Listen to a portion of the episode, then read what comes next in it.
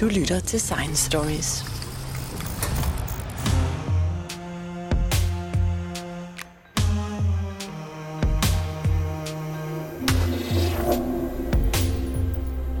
Vi bruger rigtig meget tid og energi på vores arbejdsplads, men hvor meget bliver vi påvirket af stress og dårligt arbejdsmiljø?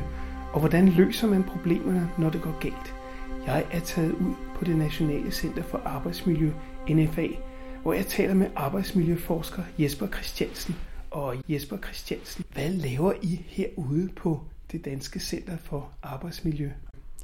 Arbejdsmiljø, det er jo rigtig mange ting, øh, og vi kan jo ikke brede os over, øh, over alt muligt. Det har vi jo ikke ressourcer til. Så de områder, vi arbejder med her på det Nationale Forskningscenter for Arbejdsmiljø, det er det ergonomiske arbejdsmiljø, altså der, hvor man er udsat for nogle fysiske belastninger, belastninger af kroppen. Øh, og der er vi, fordi det er stadig meget udbredt og, og årsag til mange øh, helbredsproblemer og smerter i kroppen. Så arbejder vi også med øh, kemi og nanopartikler, øh, også fordi det er udbredt. Øh, kemiske problemstillinger er, er stadig noget, der findes mange steder. Så arbejder vi med øh, på det psykosociale forskningsområde, øh, og det er der, jeg øh, er arbejder og ansat øh, inde på det forskningsområde. Vi arbejder også med forskning i arbejdsulykker og sikkerhedskultur. Øh, og det er jo ikke fordi, at øh, arbejdsulykker er heldigvis ikke sådan særlig udbredt af den alvorlige slags, men øh, når de sker, så øh, har de ret alvorlige konsekvenser. Det kan man jo gå hen og dø af i, i værste tilfælde, så derfor er det et vigtigt forskningsområde også. Og så som det sidste forskningsområde, noget nyt, er der øh, kommet arbejdsmiljøøkonomi også ind her på NFA. Og øh, det har vi taget med, fordi at, øh, det har altid været et stort spørgsmål. Hvad, hvad koster det her egentlig? Øh, øh, det, det er et godt arbejdsmiljø. Hvad, hvad kan man vinde på det? Og på den anden side, hvad koster et dårligt arbejdsmiljø? Så det vil vi gerne vide noget mere om. Det er der ikke forsket ret meget om man skulle forestille sig, at øh, både arbejdsgiver og arbejdstager vil være rigtig interesseret i, at arbejdsmiljøet er så godt som overhovedet muligt, fordi at man får også mere ud af folk, hvis de øh, er glade og tilfredse og ikke fejler noget. Selvfølgelig som arbejdsmiljøforsker, synes jeg jo, at arbejdsmiljøet er rigtig, rigtig vigtigt. Og jeg synes også, at det kan man sige generelt, når jeg møder arbejdstagerside og arbejdsgiverside, øh, øh, er man faktisk også rigtig interesseret i, i at have et godt arbejdsmiljø på, på de danske arbejdspladser.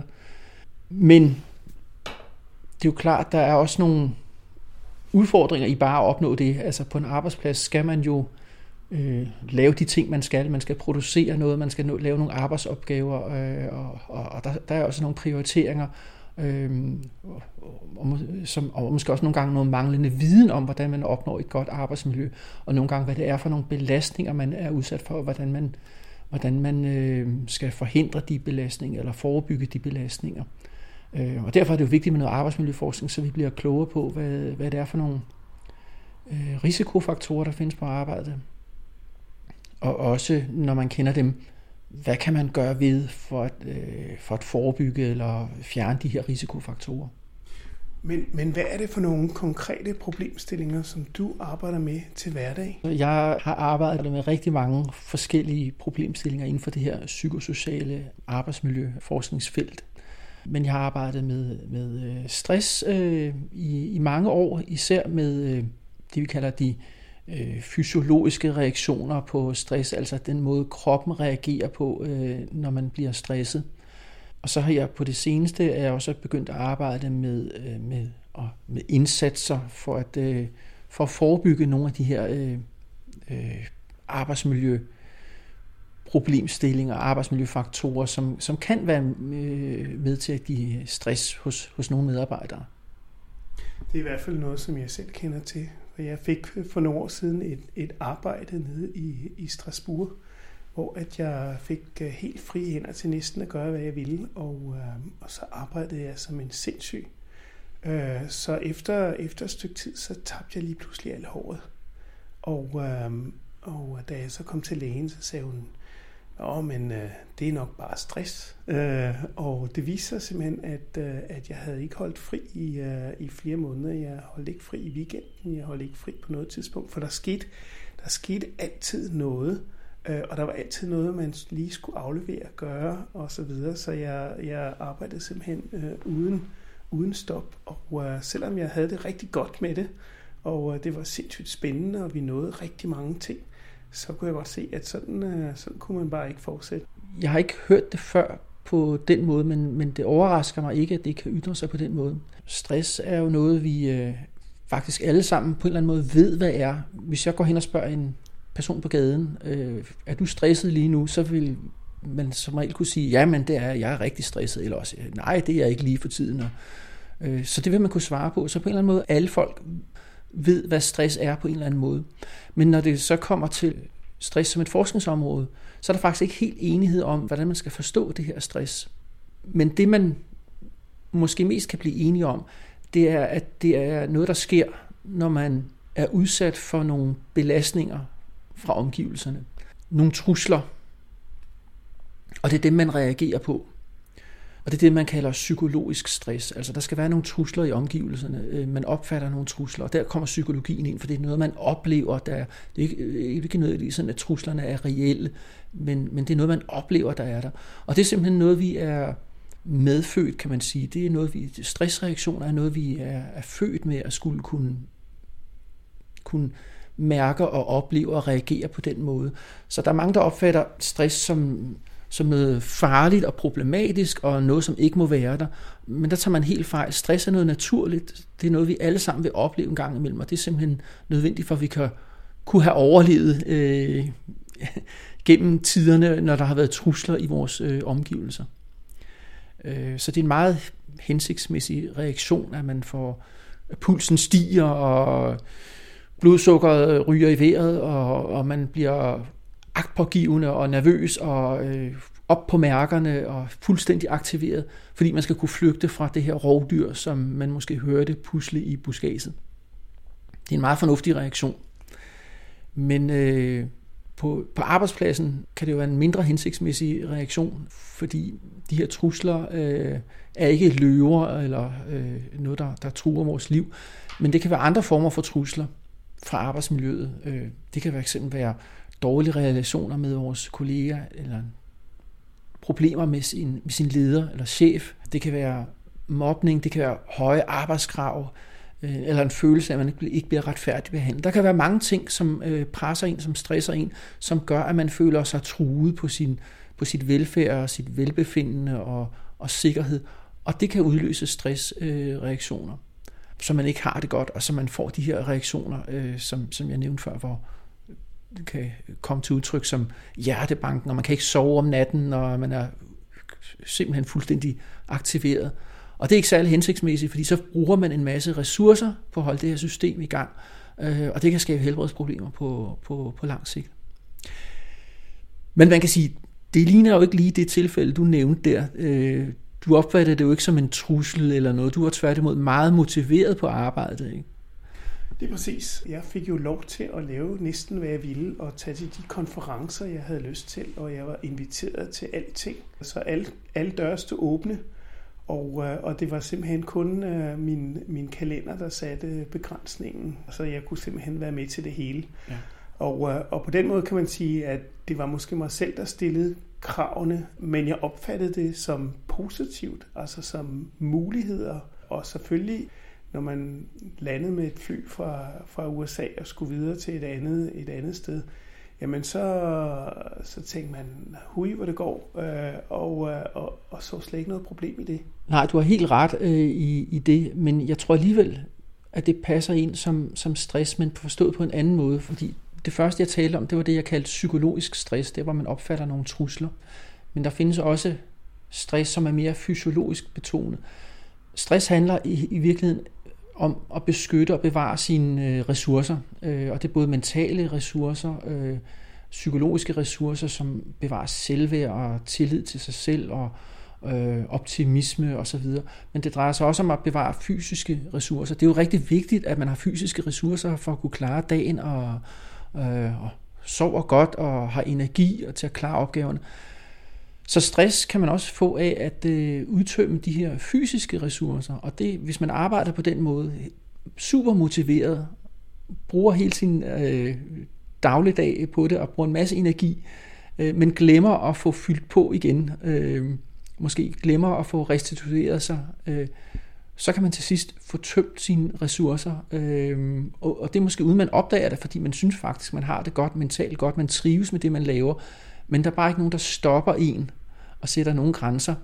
Øh, så kan man også ende mener jeg, med at få, få tømt de her ressourcer. Det er også en form for stress. Og så kan man måske få de reaktioner, som, som du nævner der, at, at man øh, taber håret. Øh, det synes jeg alligevel lyder som en, en, en ganske interessant reaktion, men det kunne forstå, at det, det, har, det har din læge sagt, at det, det, det er også andre, der har oplevet. Ja, helt konkret sagde min læge faktisk, at, øh, at det var som regel øh, unge piger på 19 år, hvis kæreste var gået fra dem, som havde det problem. Men, men så sagde hun, men du ligner ikke en på 19 år, så det er nok bare stress. Ja, det er det nok. Og de der unge piger på 19, øh, som, hvor kæresten går fra dem, det er jo også en typisk stresssituation, hvor de taber noget ressourcer, måske selvværd øh, og, og tillid til dem selv, og øh, ja, en, de har haft øh, nær, ikke også, og holder meget af, det føles også som et stort tab, og det er jo også øh, stressende øh, at opleve sådan noget. Men jeg forestiller mig lidt, at, at det mest almindelige er, at det er negativ stress. Altså det er negativ stress, som man opfatter som negativ, som er det, der, der skader en. Det er en usædvanlig situation, at man opfatter øh, en positiv stress, øh, og, og det er den, der øh, virker skadelig. Forstår du, hvad jeg mener? Ja, det gør jeg. Øh, men jeg har dog hørt om det her positiv øh, stress før, altså hvor folk øh, brænder ud, fordi de øh, brænder deres lys, så at sige, i begge ender, ikke også? Og man kan sige, der er det jo vigtigt, at man på arbejdspladsen øh, sætter nogle grænser, øh, altså hvis der er nogle faresignaler, det, det, det kan være en medarbejder, som arbejder hele tiden øh, alt for meget, og Altså, altså, der er det rigtig vigtigt, at der er nogen, måske en chef, måske kollegaer, som kan øh, hjælpe en til at sætte nogle øh, grænser og sige, man skal altså også, altså det er vigtigt at få, få slappet af og få restitueret sig, øh, for at få genopbygget de her øh, ressourcer, der skal til øh, for at arbejde, øh, øh, som man nu gør, ikke også? Men ellers har du ret i, at øh, meget af det stress, som jeg beskæftiger mig med til daglig øh, i, i, forskningen, det er den negative, den, den psykiske, psykosociale stress, altså hvor, man, hvor det er forbundet med nogle negative følelser, nogle negative oplevelser. Øh, og de kan jo komme fra det her psykosociale arbejdsmiljø, som vi arbejder i. Øh, og det kan være noget med arbejdets øh, organisering, at, at der er simpelthen for mange arbejdsopgaver, man har for lidt tid til det, man føler sig presset, øh, og man kan ikke nå øh, de her arbejdsopgaver, og man har ikke selv indflydelse på det, man mangler kontrol. Det er nogle typiske psykosociale øh, arbejdsbetingelser, som gør, at man måske kan føle sig stresset. Den her kombination af høje krav, du skal nå en masse, øh, og du har meget lav indflydelse på, hvordan du udfører dine arbejdsopgaver og lav kontrol. Øh, det er i hvert fald noget, som kan presse mange. Man kan for eksempel forestille sig, hvis en, der, der underviser, øh, har rigtig mange studerende, og de alle sammen stiller høje krav, og man ikke har tid til at forberede sig, at det kunne godt være en situation, som kunne være meget stressende. Ja, helt bestemt. Altså, den der kombination med, med, at der stilles høje krav og høje forventninger til en, også høje forventninger, som man måske selv har, øh, men man har ikke mulighed, øh, føler man, til at øh, honorere dem eller opnå det, øh, på grund af forskellige begrænsninger. Man har måske tid nok øh, det, det, kan være en, øh, det kan være meget øh, belastende og meget stressende. Jeg tænker også, at sådan noget som øh, konkurrence, altså øh, kollegaer, som gerne vil overtage ens øh, mest spændende opgaver, eller, eller chefen, der, der deler opgaver ud til den bedste, og så man skal konkurrere om, om hvem der kan gøre tingene bedst. Altså sådan noget kan vel også øh, være med til at skabe sådan et, et arbejdsmiljø, som gør, at, øh, at, man bliver meget stresset. Ja, det psykosociale arbejdsmiljø består jo af rigtig mange forskellige øh, dimensioner, kan man sige. Nu har jeg talt noget om kravene i arbejdet og, og ens indflydelse. Øh, det er nogle af dem. Men der er også det, som du kommer ind på, det er, øh, er relationer på arbejdet. Det betyder jo også rigtig meget en arbejdsplads i langt de fleste tilfælde er jo et sted med, med mange personer, flere personer i hvert fald. Øh, og det er også meget afhængigt, eller øh, det sted, hvor man arbejder sammen meget ofte om at opnå øh, noget. Så derfor så er man afhængig af de her relationer. Øh, det er også et sted, øh, hvor der som regel er en eller flere ledere, øh, så er der sådan en hierarki i det. Der er nogen, der bestemmer noget, nogen, der har, har øh, stor øh, hvad skal man sige, betydning for en, man er meget afhængig af. Og, øh, og det er også noget, som, som er rigtig vigtigt for en. Det, derfor er det meget vigtigt, at man der er et godt samarbejde på en arbejdsplads. Øh, og hvis det ikke det fungerer, hvis der er dårlige relationer, øh, så, så kan det også være stressende meget dårlige relationer, det er jo for eksempel, hvor der ligefrem er en kultur, hvor man, øh, hvor man måske øh, øh, hvor der er meget mobning måske, eller hvor man chikanerer hinanden, eller øh, hvor man driller hinanden, og så synes man, det er, det er jo øh, kun godmodigt øh, drilleri, og sådan er tonen her. Men i virkeligheden kan det, jo, kan det jo godt være, at der er nogen, der synes, at det er ikke særlig rart at være sådan et, et øh, sted, man bryder sig ikke om den tone, øh, der er øh, og mobning, hvor det sådan er systematisk og længerevarende, og hvor man går efter nogle bestemte personer og øh, nedværdiger dem, krænker dem, eller øh, Øh, hvor de overhovedet ikke synes, det er, det er rart. Det kan være rigtig slemt for dem, der, der, bliver, der bliver mobbet, og, og, og det er også ret øh, stressende øh, at opleve sådan noget. Men hvad kan man så gøre? Altså, øh, hvem, og hvem gør noget? Altså, øh, kan man ringe efter, efter jeres ambulancepatrulje, der kommer ud og, og ordner det psykiske arbejdsmiljø? Eller, eller er det sådan en, en, en langstrakt proces, man skal i gang med for at finde ud af, hvordan løser vi det her? Vi er jo, sådan en, vi er jo en, en forskningsinstitution, så det vi laver er, er forskning i arbejdsmiljøet men som jeg sagde, så foregår det også nogle gange, mange gange, i, øh, i, som, som interventioner, altså hvor vi afprøver nogle indsatser for at se, hvordan de virker, øh, og øh, hvordan de virker, og, og, og, og laver nogle redskaber, øh, som, som kan bruges i, i virkeligheden. Øh, men, men det er ikke os, man lige, i første omgang lige ringer til at sige, vi har et arbejdsmiljøproblem, øh, vi har et problem med mobning eller sådan noget, kan I ikke lige komme og ordne det? Øh, Øh, hvis man har det, så øh, det er der først, man kan prøve øh, det med sin egen øh, interne arbejdsmiljøorganisation. Hvis man har det, det har de større virksomheder. Men det kan også ske, hvis det er komplicerede arbejdsmiljøproblemstillinger. Det kan mobning for eksempel være, fordi det er noget med relationer, og mange gange kan det være en chef eller leder, der er involveret, øh, og så er der nogle magtrelationer, der øh, skal håndteres også. Der kan det være en god ting at få hjælp øh, udefra. Der findes jo rådgiver, firmaer og, og øh, konsulenter, som, som beskæftiger sig professionelt med, med arbejdsmiljø øh, og håndtering af arbejdsmiljøudfordringer og kan hjælpe arbejdspladserne med sådan noget. Jeg tænker også på, at der er mange ting, som man ligesom er bundet af, når man har sit arbejde, hvor man sidder på sit skrivebord og skal udføre en masse opgaver. Altså det, er jo, det er jo noget af det, som også kan, kan stresse en uh, lidt, at man ikke bare lige kan gå en tur, eller man ikke lige kan tage ud og løbe, eller, eller, eller holde sig i gang. Altså, øh, der må være mange øh, niveauer af, af arbejdsmiljøforbedringer. Er der sådan en, en håndbog i, hvordan man kan gøre arbejdsmiljøet bedre? Det var en svær en.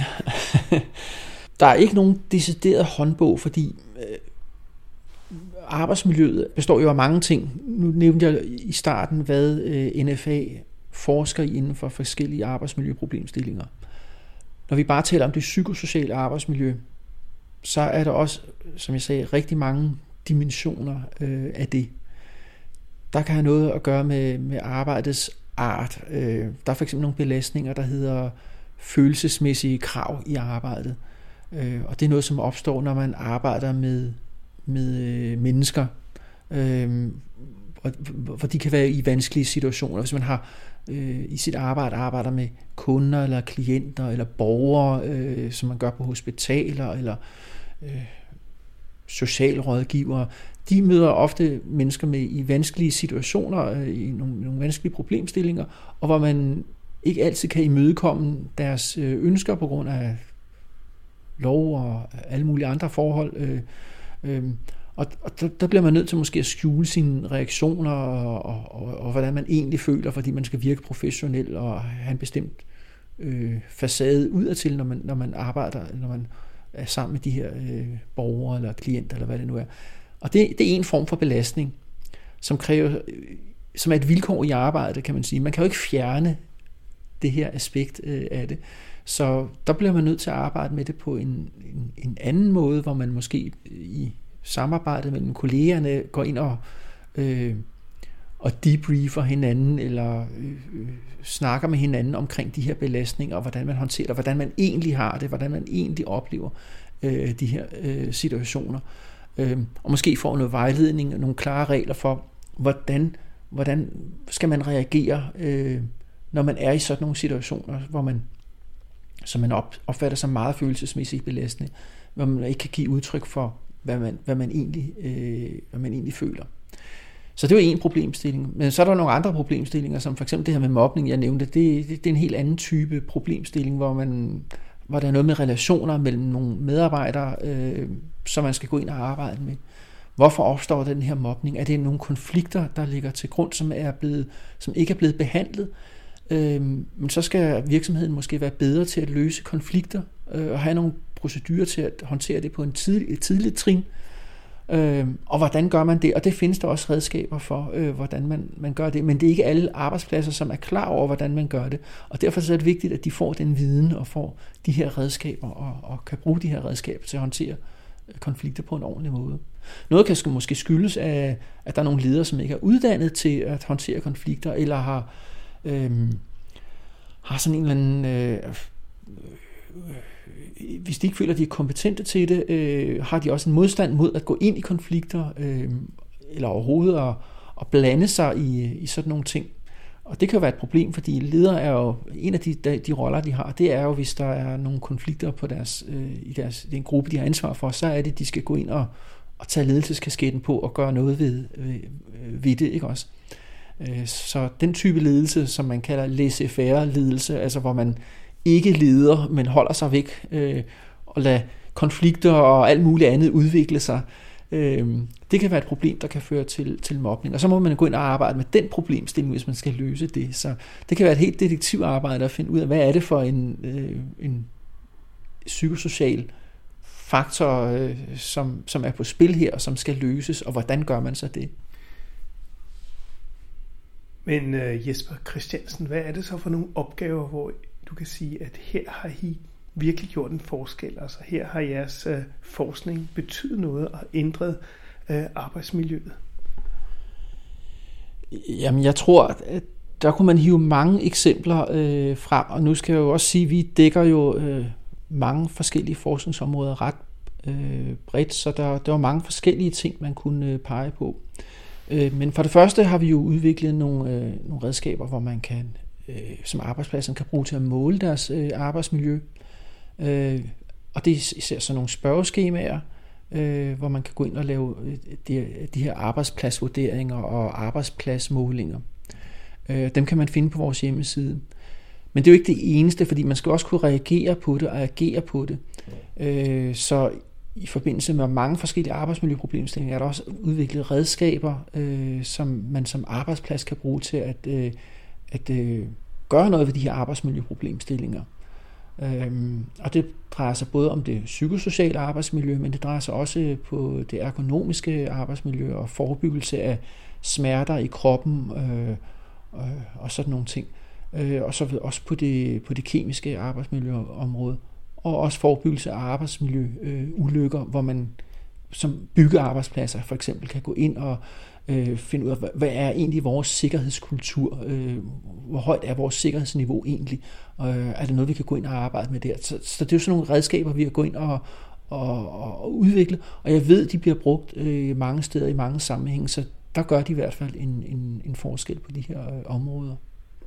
Men, men hvad gør man så, hvis der bliver lavet sådan en undersøgelse, så, så bliver den lagt nederst i, øh, i, i skuffen? Altså, er det noget, man kan, man kan stille krav om, at, at ens arbejdsplads bliver, bliver vurderet, eller, eller er det noget, som, øh, øh, som er en del af, af, af proceduren nogle steder, eller hvordan gør man? Ja, altså der skal laves arbejdspladsvurderinger øh, på arbejdspladser over en vis størrelse. Så, og der skal også være en arbejdsmiljøorganisation på arbejdspladser over en, øh, en vis størrelse. Så, så man, man skal jo undersøge arbejdsmiljøet, og man skal så også gøre noget ved det, hvis der er nogle problemstillinger der. Men det er da klart, at øh, hvis man har en, en, en ledelse på en arbejdsplads, som ikke øh, tager det alvorligt, øh, så er det jo et, øh, så er det jo et problem. Øh, man kan man kan gå til sin arbejdsmiljøorganisation, sin arbejdsmiljørepræsentanter, øh, for at se, om man kan, man kan gøre noget øh, ved det. Øh, så, så det er de muligheder, man har. Og, og det gælder også det, det psykiske arbejdsmiljø? Ja, ja, lige præcis. Det er det samme, ja den indsats, man så gør i, i Danmark, hvordan er den i sammenlignet med andre lande? Altså er, er vi specielt bedre eller dårligere til at håndtere arbejdsmiljø i, i Danmark, eller er det noget, som, som øh, generelt foregår lidt øh, på samme måde? Min fornemmelse er, at øh, i de nordiske lande, øh, Norge, Danmark, Sverige og Finland og Island, er vi øh, rigtig godt på, med på vognen. Især også, når det drejer sig om det psykosociale arbejdsmiljø. Øh, der har vi en god arbejdsmiljølovgivning, som stiller krav til øh, arbejdspladserne om at sikre, at der er et godt og, og sundt arbejdsmiljø. Og jeg synes også, at øh, som jeg sagde i starten, en, en, jeg mærker en rimelig høj grad af vilje til at på arbejdspladserne og, og, og arbejdsmiljø, øh, arbejdstager, arbejdsgiver organisationer til at efterleve det og, og sørge for, at vi har et godt arbejdsmiljø. Jeg tror, man er klar over, at, øh, at øh, arbejdskraft er dyr, øh, ikke mindst i de her nordiske lande og i Danmark, øh, og derfor er det så vigtigt, at man forsikrer den her høje produktivitet, at man, man har et godt arbejdsmiljø og passer godt på, på den ressource, som, som medarbejderne jo er. så derfor er det vigtigt at, at sikre et godt arbejdsmiljø. Det tror jeg, der er ret stor forståelse for. Så dårlig arbejdsmiljø, det koster penge. Tak skal du have, Jesper Christiansen. Tak skal du have selv.